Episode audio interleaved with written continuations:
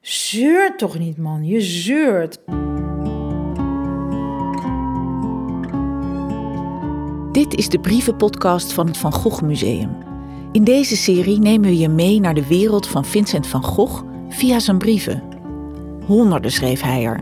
Aan familie, kennissen, kunstenaarsvrienden, maar de meeste aan zijn geliefde broer Theo. In deze podcast leest telkens een artiest of schrijver een stukje voor uit een van de brieven en vertelt wat hem of haar daarin het meeste raakt. Wij zijn radiomakers Desmet en ik ben Stef Visjager. In deze aflevering praat ik met actrice en theatermaker Nasmie Oral over brief 413.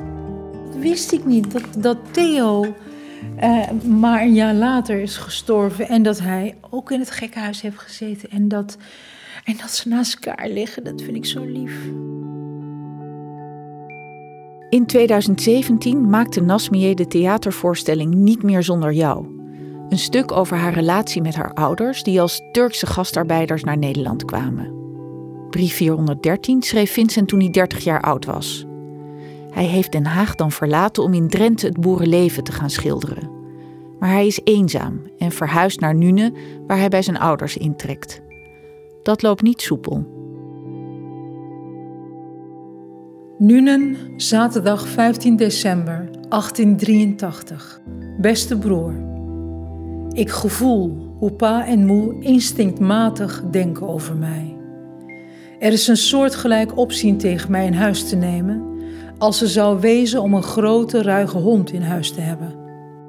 Hij zal met natte poten in de kamer komen en dan. Hij is zo ruig.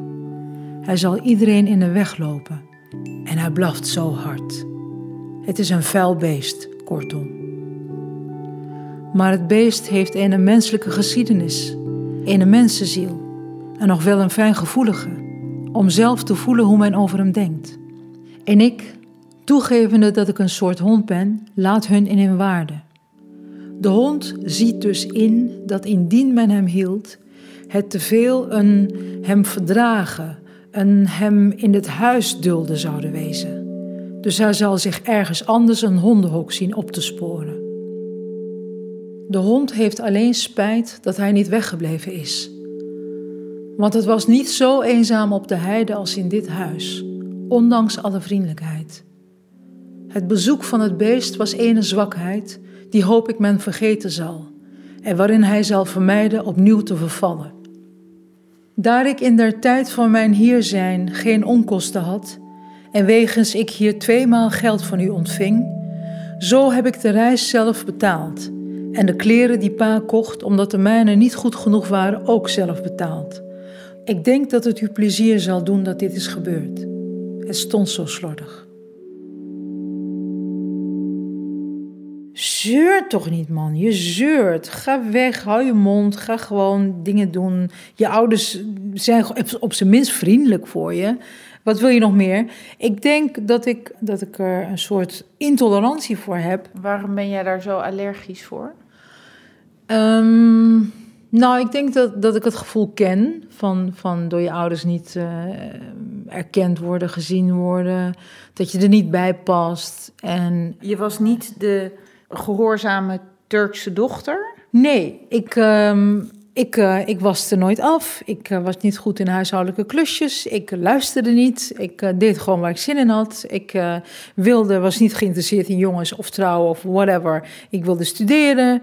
En dus was ik alles wat mijn moeder niet wilde. En niet voor ogen had. En, en ik herinner mij dat ik, weet ik veel, ik, was, ik hield van lezen. Dus ik las alles wat los en vast zat. En we hadden geen boeken, dus ik las reclamefolders. Of gewoon whatever. En dan, en dan uh, zei ze... Ja, de dochter van die en die kan zo goed afwassen. Die is zo goed in het huishouden. En dan keek ze naar mij zo van, maar jij bent mislukt. En ik dacht echt, weet je, nou zo. Ik heb van alles met mijn moeder uh, meegemaakt. Uh, weet je, dat ze vond, uh, ik moest maag zijn. En ik herinner mij van één keer dat ik um, ik was al een jaar of veertien. Toen heeft zij geprobeerd mij te checken op mijn maagdelijkheid. En dat was niet iets wat elke week gebeurde of zo. Maar ik weet niet waar ze aan dacht. Ineens, ga maar liggen, broek uit, bla bla. En, en zij was, weet ik veel, aan het kijken. En op een gegeven moment, of ze wilde. En ik lag al onder haar. En, en op een gegeven moment dacht het mij. Dacht ik, nou, maar dit is. Dit kan echt niet. Je schaamt je, want je ziet je snapt, dit is zo niet oké. Dus je doet wat je normaal ook zou doen als je vernederd wordt of als er gigantisch over je grenzen wordt gegaan. Um, je doet een beetje lacherig alsof het niet gebeurt, want de waarheid is zo pijnlijk. En ook, ik wilde uit huis, ik wilde studeren. En dat vond ze ook allemaal een heel slecht idee. Wilden ze niet. En naar de kunstacademie ook nog, waar niemand iets van snapt. Hoezo kunst? Kijk, als je nou dokter gaat worden of zo. Maar Ehm, en toen ik dat eindelijk zei tegen mijn moeder, dreigde zij eh, van. Uh, um, nou, als je dat doet, ik heb met je vader gesproken, dan plegen wij echt zelfmoord. En eh, er zijn sommige Turken die zeggen: Ah, dat dreigen ouders wel vaker mee. Nou, niet mijn moeder. Niet mijn ouders, echt niet. Als ze dat zeggen, doen ze het ook. Nou, ze was echt serieus. Ja, ja, ja, ja. Ze was echt. Uh, ze had echt zoiets van: nou, dan ga ik mezelf echt iets aandoen. Dus ik eh, ben een tijd bang geweest dat ik dacht: oh ja, of ze kunnen mij gaan uh, um, meenemen naar Turkije, weet je wel, zoiets. Maar toen mijn moeder dat zei, die uitspraak van die zelfmoord, toen vond ik haar zo egoïstisch. Toen dacht ik: nee, ik, uh, ik ga ook niet uh, weglopen. Ik ga, ik, ga, ik ga dit niet doen zo op deze manier. Ik heb recht op jouw steun. Kijk, zijn pijn is dat ze dat ze afstandelijk zijn. Mijn pijn was dat ik helemaal als een soort. Dat ik, dat ik, dat ik helemaal werd bezeten door mijn moeder. Dat er geen stukje van mij mocht zijn, zeg maar. Het is allebei even verschrikkelijk. Het is net even de andere kant van de medaille. Bij Vincent, denk ik, was het ook meer een wij-cultuur in Nederland. Iedereen was, keek naar elkaar, iedereen sprak eventueel. Het was heel belangrijk wat de buitenwereld van je vond. En hetzelfde is aan de hand ehm, bij, bij de Turken en, en de Marokkanen in Nederland nu. Het is heel erg te vergelijken. De omgeving speelt een hele belangrijke rol. Je, je eer, je naam, hoe mensen naar je kijken, speelt een belangrijke rol. En aan de hand daarvan ook hoe je naar je kind kijkt, hoe je wil dat hij overkomt. Ja. Ik zie een verband, volgens mij.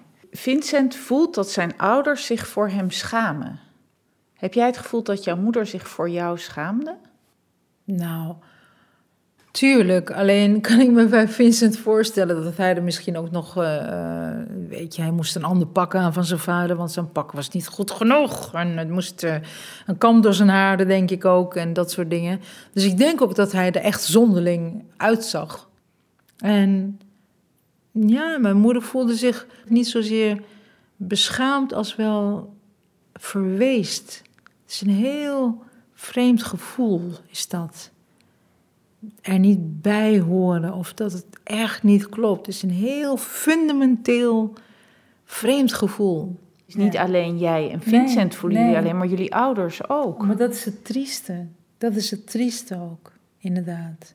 De vader die zijn homoseksuele kind aan zijn borst wil drukken. Of de, de man die bedrogen is en iedereen kijkt naar hem en zegt... Ja, je moet je vrouw vermoorden, anders ben je geen vent waar is die plek en die ruimte voor, voor niet alleen die kinderen, maar ook die ouders? Nee, precies. Ook de ouders, heel zwaar. Ja.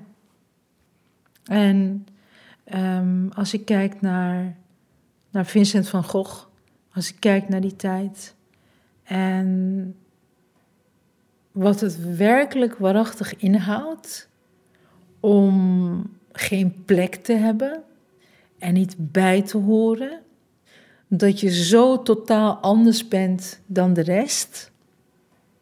Als, als je je een hond voelt in je ouders huis. Als je voelt dat je te veel bent voor een ander. Dat is een hele diepe pijn. Dat is, dat is, uh, dat is niet even zo van, ah joh, stel je niet aan. Ook al zei ik aan het begin, hij stelt zich aan. en dat is mijn eigen intolerantie naar mijn eigen pijn.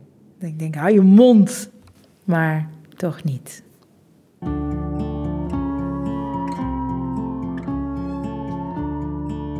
Je hoorde een aflevering van de podcastserie van Goeg Belicht, De Brieven. Lees vooral de hele brief een keer. Je vindt hem op de website van goegmuseum.nl slash belicht.